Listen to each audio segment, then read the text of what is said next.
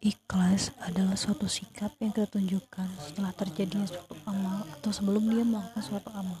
Ibadah ikhlas juga bisa disebut suatu kebaikan, tapi kita tidak akan mengingatkannya lagi atau tidak mengungkit, maka itulah ikhlas yang sebenarnya. Seperti memberikan suatu ba sesuatu baik berupa wujud materi atau non materi kepada orang lain. Hendaklah kita bersikap ikhlas, tulus hanya mengharapkan imbalan dari Sang Kuasa tanpa menyebut-nyebut pemberian yang dapat menyakiti orang yang telah kita beri atau tolong. Tanda-tanda ke keikhlasan dapat dilihat.